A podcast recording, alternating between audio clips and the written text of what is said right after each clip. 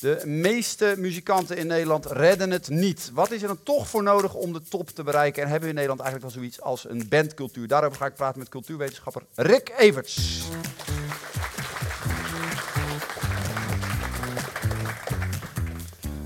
Jarenlang onderzoek gedaan naar die vragen. Hè? Wat Ja. is er voor nodig om het in dat Nederlandse muziekklimaat te redden, te maken, tot de top te schoppen als, als band, als artiest. Ehm, inmiddels ben je werkzaam als beleidsmedewerker van de gemeente Utrecht, maar je bent in februari gepromoveerd op een onderzoek dat je 4, 5, 6, 7, 4,5. 4,5. Dus keurig binnen de perken voor een Keurig, van 4 jaar. Ja.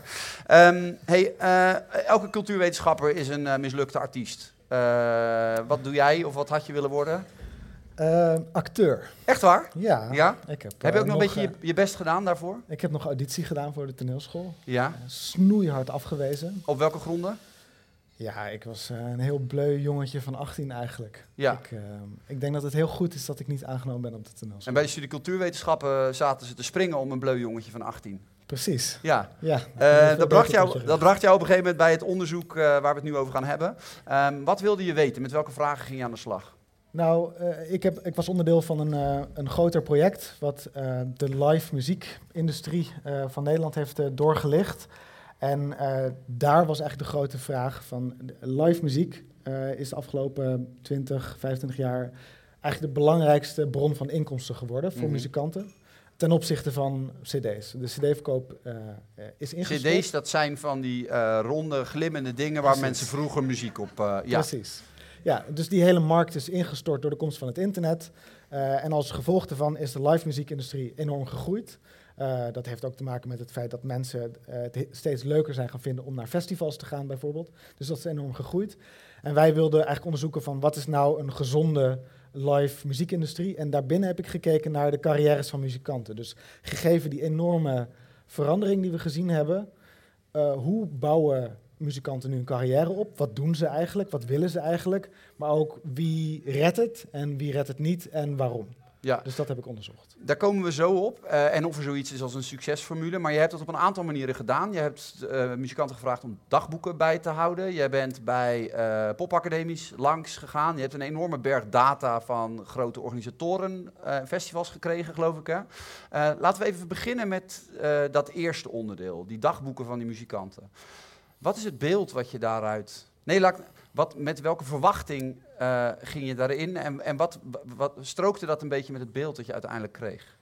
Eh, nee, Ehm, het strookte niet met de verwachtingen die ik had. Ik heb ehm, eh, beginnende bands geïnterviewd een paar keer en ze hebben van mij dagboeken bijgehouden. Dit zijn bands die, die stonden op Noorderslag. Eh Noorderslag wordt in Nederland gezien als het einde van de talentontwikkelingsketen die we hebben. Dus eh, je oefent eerst in de, in de garage van je ouders en dan doe je een keer mee aan de, aan de popronde en dan uiteindelijk sta je op Noorderslag. Dat is het platform waar je carrière eigenlijk moet eh, beginnen. Dat is een, een, eigenlijk een, een hele logische infrastructuur voor Ja. die route die je dan wil afleggen. Ja, en die de meeste bands ook afleggen. Ja. Ja. ja. En ik dacht, door de komst van het internet heb je die hele oude industrie eigenlijk niet meer nodig. Mhm. Je kan zelf in je slaapkamer muziek opnemen. Je kan zelf je platen laten drukken en via je webwinkel verspreiden. Je hebt social media om door te breken.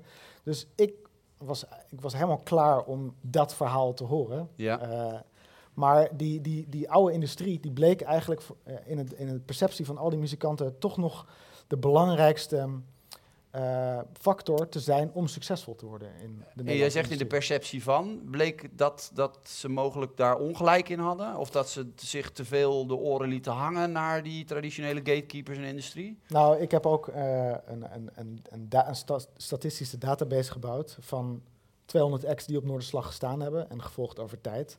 Eh, en daar heb ik dan gekeken van welke factoren hangen samen met dat succes. En dan zie je inderdaad dat eh, connecties hebben in de industrie wel een bepaler is voor succes. Eh, dus die perceptie klopte.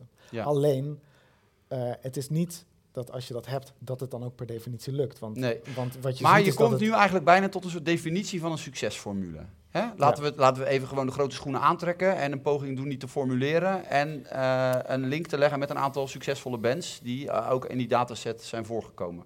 Kun je, kun je een aftrap doen? Eh, factoren die ik gevonden heb die samenhangen met succes is ehm, ehm, popular recognition, zo heet dat in de uh, vaktermen. Dus omarmd worden door het publiek. Dus bijvoorbeeld, ik heb gemeten hoe vaak wordt iemand gegoogeld. Ik heb gekeken hoe vaak worden voor publieksprijzen wordt een, een bepaalde band genomineerd.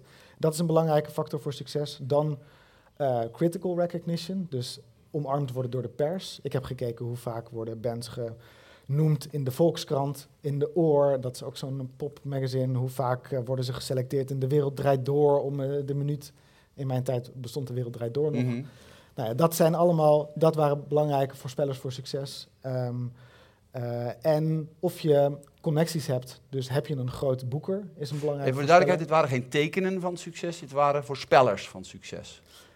In sommige gevallen hing het samen met succes. Het ja. hing een beetje af van een statistisch model. In sommige gevallen waren het voorspellers van succes. Ja. ja. Kun je een voorbeeld noemen van, van bands of muzikanten uh, die jij een beetje zo hebt zien, zien doorbreken of zien doorstomen in die periode? Um, nou, in die, in die grote dataset van... Uh, er zitten bijvoorbeeld bands als Kensington, de jeugd van tegenwoordig, Miss Montreal. Dat zijn de paar bands die echt helemaal van de kleine zaal doorgestoken Die hebben ook die route gelopen die jij net schetste. Ja, dus ja. dat is vanaf Noorderslag uh, tot uh, in de Ziggo Dome. Ja. Kun je ook voorbeelden geven van bands of uh, acts die, die, de odd one out, waarvan je denkt, nou, dit, dit voldoen helemaal niet aan, aan dit plaatje, maar maken het toch? Ja, um, dat was ook de grote frustratie op popopleiding. Want ik heb op popopleidingen docenten gevraagd van ja, hoe bereid je nou iemand voor? Wat, hoe vergroot je nou die kans voor succes? Je kan allerlei dingen goed doen. Ja. Je kan uh, een hele slimme ondernemer zijn als muzikant. Je kan de juiste industrieconnecties hebben. Je kan media-aandacht hebben en toch niet redden. Uh, of je kan uh, rock'n'roller zijn die zuipt, s ochtends door de manager uit bed getrokken moet worden voor het radio-interview. En dan, omdat je toevallig de X-factor hebt, helemaal doorstoten naar boven. Is dat zo? Zijn die er nog? Bestaat, kan dat? Want dat is het beeld wat we hebben. Een afgeracht busje, een, een, een, half ingedeukte gitaarkoffer, heel veel drank, drugs uh, en, en seks. En, maar, dan, maar kan dat nog? Het gebeurt, dus ja? het kan. Voor het merendeel die het probeert, moet je, kun je dat eigenlijk niet permitteren. Dus moet je een slimme ondernemer zijn, moet je heel veel dingen zelf doen, meer dan misschien vroeger.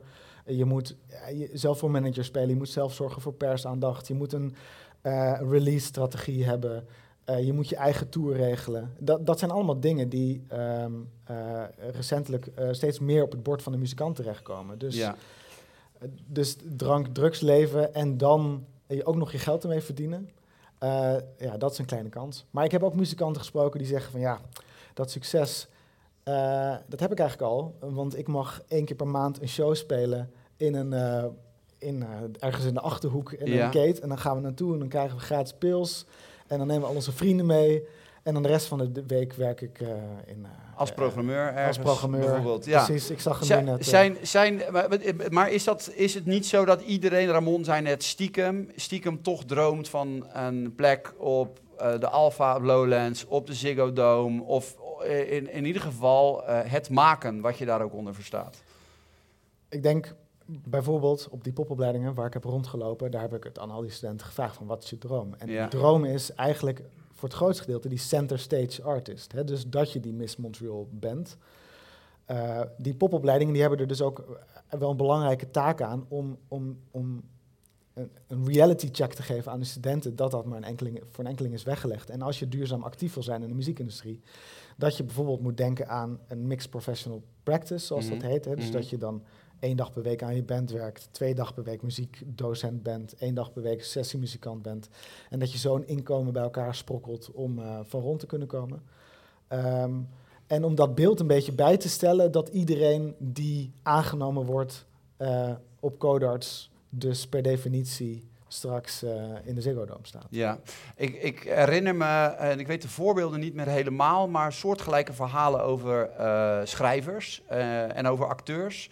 En toen vielen mij de schellen van de ogen toen ik hoorde welke, nou die, die met z'n allen als beroemde acteurs of beroemde schrijvers, gevierde schrijvers zouden definiëren, die nog steeds eigenlijk niet konden leven van hun, van hun werk. Ja. Tenminste wat je zou denken hun werk is. Um, hoe zit dat met muzikanten? Ja, dat is hetzelfde. Maar ook dus van de, de muzikanten waarvan wij denken, die hebben het gemaakt. Ik denk, dat je, Is het nog steeds, is het, is het nog steeds sappelen? ik denk dat je je geen zorgen hoeft, hoeft te maken over de jeugd van tegenwoordig, als Mhm. je dat deed. Ehm, maar eh, er zijn wel, ik weet ook wel verhalen van bands die eh, grote shows op Lowlands gespeeld hebben. En die aan het einde van het eh, weekend eh 100 euro eh, meekregen om de boodschappen voor de rest van de week te doen. Ja. Ehm, en dat, heeft een, dat zit hem dan vooral in de, de, de bandhoek. Eh, dus, ehm, dus de mensen die dan niet eh, op RTL 4 eh, in spelshows meespelen, maar echt de, de, de rockers in ja. Nederland. Had je het- specifiek iemand in gedachten? Dries Roelvink of zo? dat soort Precies. types? Ja. Ja, de, de snabbelaars. Als je het wil maken, kun je het best een volkszanger of een DJ worden. Wat is de, hoe, hoe Eh, vergroot ik je de- kans ik, op? Ik denk dat dat eh, financieel wel aantrekkelijk is. Want dan hoef je niet de- eh, elke keer een hele bus vol te laden. Met al die bandleden die ook allemaal moeten kunnen. En eh, je eigen geluidstechnicus en je eigen drumtechnicus. eh, die allemaal mee te nemen voor een concert. Dat allemaal op te zetten. eh, en dan aan het einde van de avond eh 2000 euro te krijgen. ja. Waar je dan ook nog je manager voor moet Als betalen dat en lukt, hè, want ergens in jouw onderzoek zeg je 50% van de bands ehm, ha- haalt die 2000 euro. Ja. Dat zijn mij niet zo heel veel. Is dat dan, kun je dat eens doorrekenen van waarom dat wel of niet problematisch is? Of wel of niet genoeg? Ja, eigenlijk in alle data die ik verzameld heb, en dat wordt ook in allerlei ander onderzoek onderbouwd, is, is dat er eigenlijk een soort van, er is gewoon een superstar economy. Hè, Dus Mhm. eh, de, de top die verdient goed en de rest verdient eigenlijk een heel klein beetje. Dus eh, dat zie je ook in het aantal, bijvoorbeeld in het aantal concerten wat mensen geven eh, in Noorderslag. Zie je gewoon dat over tijd, in het begin is er direct al een hele grote verdeling en over tijd verdwijnt gewoon die onderste driekwart. Dus driekwart van de bands eh, die op Noorderslag spelen na acht jaar, dan treden ze niet meer op. Want dat is er gewoon niet gelukt. Dus een kwart daarvan treedt nog op, maar aan het einde is het gemiddeld aantal shows wat gespeeld wordt zeven. Dus dan alsnog zijn dat niet aantallen waarmee je goed van eh, kan rondkomen. En datzelfde geldt voor, voor de, de fees die er betaald worden. Dus heel veel krijgen 500 euro of 750 euro voor een show. Als je, dat moet, als je, je je busje moet huren, je moet je manager betalen, je boeker, je geluidstechnicus. En dan moet je het delen door fan- vier bandleden en er ook nog belasting over betalen. Dan kun je uitrekenen dat dat niet is, is waar je je geld mee gaat verdienen, Ja. muziek. Ja. Eh, en 2000 euro is dan nog eigenlijk niet veel. Vind je nou na, na, na die 4,5 jaar daarin gedoken te zijn en, en eh, eh, daar ook de verhalen over te lezen? eh, en, en, en vind je dat, het, dat, dat, dat we daar iets aan moeten veranderen? Of is dit gewoon wat erbij hoort? Ehm, ja en nee, denk ik. Eh, ik denk niet per se dat iedereen het recht heeft om eh, Goed betaald te krijgen. nou, popmuzikant te worden. ja, Ik denk dat er een heel ge- groot gedeelte mu- muzikanten ook actief zijn als, als amateur of semi-prof, die daar eh, prima tevreden mee zijn. Ik denk wel dat er aan de onderkant wel echt slecht betaald wordt. En dat ook op grote festivals, daar wordt gewoon op het, de kleinste podia's treden bands op voor 500 euro.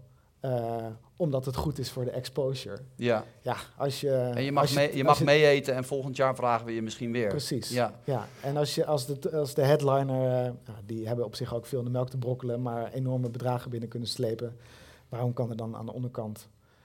Dus daarom vind ik fair practice of fair pay, eh, waar veel over gesproken wordt in Nederland momenteel, vind ik wel een heel belangrijke eis. Ja. Een van de mensen die zich, die zich daar hard voor maakt is Arjo Klingens, eh, is eh, manager van de staat. Ja. Heeft in die hoedanigheid gezorgd dat de staat, ik geloof iets van zeven jaar geleden, een subsidie kreeg voor een periode van vier jaar, geloof ik. Hè? Ja. Ehm, daar was nog wat over te doen. Zeker. Is dat een, is dat een, is dat een logisch iets eigenlijk als je als land je muzieksector serieus wil nemen? Ehm, hier was ontzettend veel discussie over, want je bent eigenlijk, je kiest er één band uit die zegt, dit is een band die we voor vier jaar willen ondersteunen. Mhm. Ik vond het zelf een heel interessant eh, experiment om te kijken van, ja, wat heeft, wat, wat heeft zo'n band nou nodig om dit structureel duurzaam te kunnen doen? En waarom eh, niet een band en wel een orkest bijvoorbeeld? Mhm. Dus ik vind er veel voor te zeggen. Persoonlijk zou ik zeggen, we moeten gewoon aan de, aan de aanbodkant, hè, dus op de plekken waar ze optreden, zorgen dat er gewoon goed betaald wordt. Want dan kun je ook selecteren op eh, of een band ook eh, publieksbereik heeft en ook het publiek geïnteresseerd in hun is. En dan kun je zeggen van oké, die bands die het redden om die, die optredens te realiseren, die zouden we ook netter moeten betalen. En dan kunnen ze er zo van leven. Tegelijkertijd denk ik dat de realiteit is, ook met subsidies, dat je als muzikant, dat de kans klein is dat je als die center stage artiesten van rond kan komen. Maar er zijn, er zijn nog heel veel manieren om ook actief te zijn in de muziekindustrie. Uh, dus ook uh, muzikanten die succesvol zijn, die wij kennen, die hebben ook een studio thuis waarbij ze jingles opnemen voor uh, koffiereclames. Ja. Hè, en dat is ook superleuk uh, werk. Ben je ook actief in de muziek? Mag je ook iedere dag met je gitaar in je handen staan? zonder subsidie. Ja. Zijn er mensen waarvan je, waar je tegen jij gezegd hebt in dat onderzoek... Van, nou jongens, ik kan er beter mee kappen. Of, of doe, doe, doe het anders. Of voorbeelden waar, waar, waarbij jij dacht... Poeh, dit heeft weinig kans van slagen. Uh, nee, dat heb ik natuurlijk nooit zo gezegd. Uh, ik, ik, de, de, de, de, interviews die ik afgenomen heb, die, dat was ook 2018. Daar zie ik ook al dat veel van die bands die ik toegesproken heb... die zijn ook weer verdwenen of die zijn weer andere dingen gaan doen ik merk wel dat waar ik kom met mijn verhaal op popopleidingen mensen mij een enorme buskill vinden. Omdat ja. ik de hele tijd Want daar zeg je tegen zo'n zaal als dit, zeg je, oh jongens, ga alsjeblieft iets anders doen, dit wordt helemaal niks. Ik zeg wel, realistisch gezien gaat een klein... Ik laat die cijfers dan zien. Werk je over vijf jaar nog steeds in een supermarkt? Ik zeg, een klein percentage rent, redt het als een band. Ja. Zorg nou dat je slim, als je langdurig werkzaam wil zijn, zorg Statistisch dat is toch gewoon niemand van jullie wordt goldband? Dat is toch gewoon... Ja. Toch? Ja. Klopt, ja. Zo lullig zeg je het dan niet? Zo lullig. Nee, oké. Nee, en het, het hoeft ook niet... Uh, je hoeft ook niet de goldband te zijn om gelukkig te zijn in de muziek. Je verdient alleen wat minder dan goldband. Ja, on that note gaan we afsluiten. Dank dat je was. Rick Evert, geef een grote applaus.